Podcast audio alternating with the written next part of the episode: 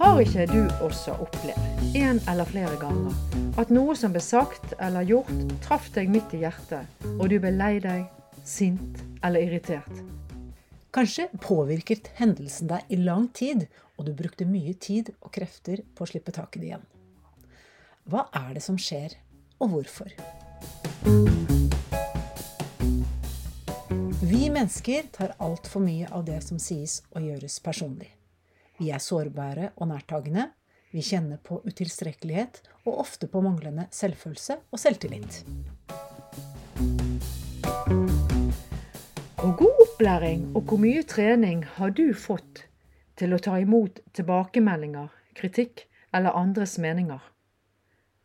Hvis det fantes en annen måte å håndtere det som ble sagt og gjort på, kunne du tenke deg å bruke den?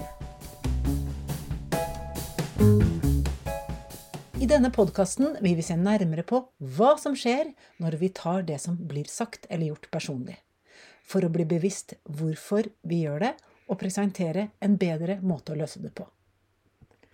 Med podkastserien Ikke ta det så personlig ønsker vi å bringe inn ny forståelse, få en mer humoristisk og leken tilnærming til livet, og akseptere ulikheter i større grad. Og kanskje vi til og med blir litt snillere med hverandre. Ikke ta det så personlig er produsert av Cecilie Dus og Tina Lysgård. Musikk av Cecilie Dus. Hele serien ligger ute nå.